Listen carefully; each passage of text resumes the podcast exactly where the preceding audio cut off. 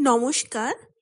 ভাষা দিবস উপলক্ষে আজ আমি যে কবিতাটি পাঠ করতে চলেছি, কবিতাটির নাম বাংলা তুমি।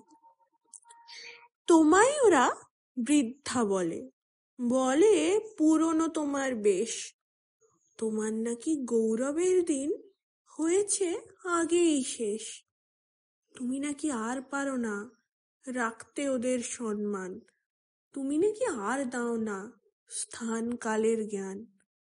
তুমি নাকি হেরেই গেছ বিদেশি ভাষার পরে। তুমি নাকি দিন গুনছ কাঁপছ মৃত্যু জ্বরে। তবুও কেন আমি আজও তোমার কোলেই পাই?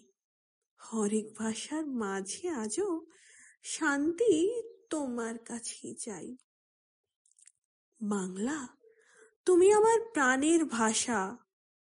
তুমি আমার মনের সুর তুমি আমার রোজ অভ্যাস। তোমায় নিয়েই চলবো আমি সমুদ্র নমস্কার।